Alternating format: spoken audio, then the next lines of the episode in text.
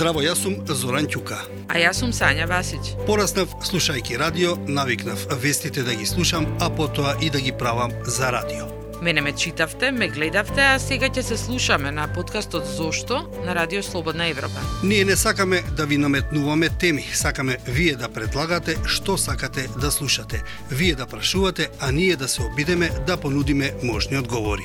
Многу работи се случуваат околу нас и со нас, добри и лоши. И секогаш често се прашуваме зошто. Што ви пречи најмногу во секојдневието?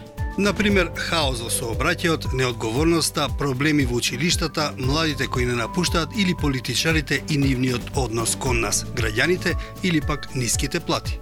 Зошто е подкаст да разбереме што се случува, зошто се случува и како подобро да се справиме со проблемите. Вие ке прашувате, а ние и нашите гости ќе ги бараме вистинските одговори. И сега само ставете слушалки и побарајте го подкастот Зошто на РСЕ и Spotify, YouTube, Apple и Google Podcast. Кликнете Зошто и се слушаме.